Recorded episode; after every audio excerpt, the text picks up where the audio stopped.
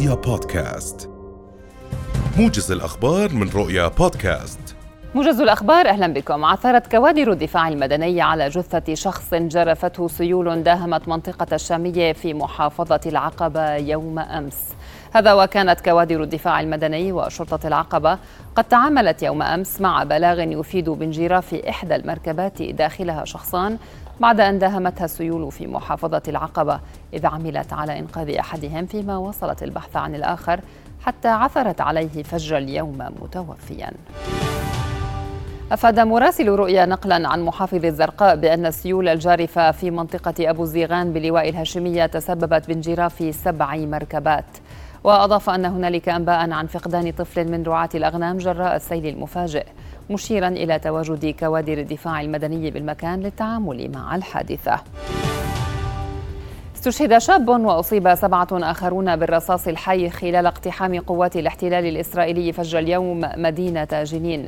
مصادر أمنية أفادت لوكالة الأنباء الفلسطينية أن قوات كبيرة من جيش الاحتلال اقتحمت المدينة من محاور عدة واعتلى القناصة أسطح عدد من البنايات خاصة في محيط مستشفى جنين الحكومي واندلعت مواجهات عنيفة بين الفلسطينيين وقوات الاحتلال في مناطق متفرقة من المدينة كما منع الاحتلال مركبات الإسعاف من نقل المصابين وألحقت أضرارا مادية بها.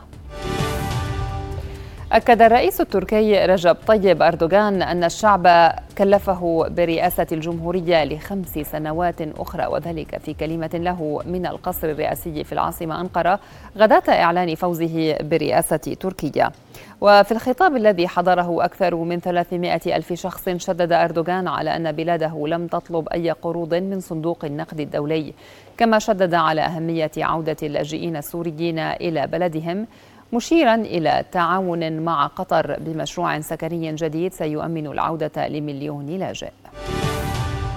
دعت السعودية والولايات المتحدة الأمريكية طرفي النزاع في السودان إلى تمديد الهدنة التي ستنتهي مساء اليوم فيما ارتفع عدد القتلى في صفوف المدنيين إلى 866 جراء الاشتباكات التي اندلعت في الخامس عشر من الشهر الماضي.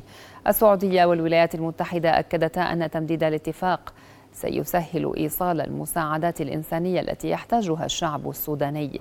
وكانت قوات الدعم السريع قد أعلنت استعدادها لبحث إمكانية الوصول إلى تجديد اتفاق وقف إطلاق النار.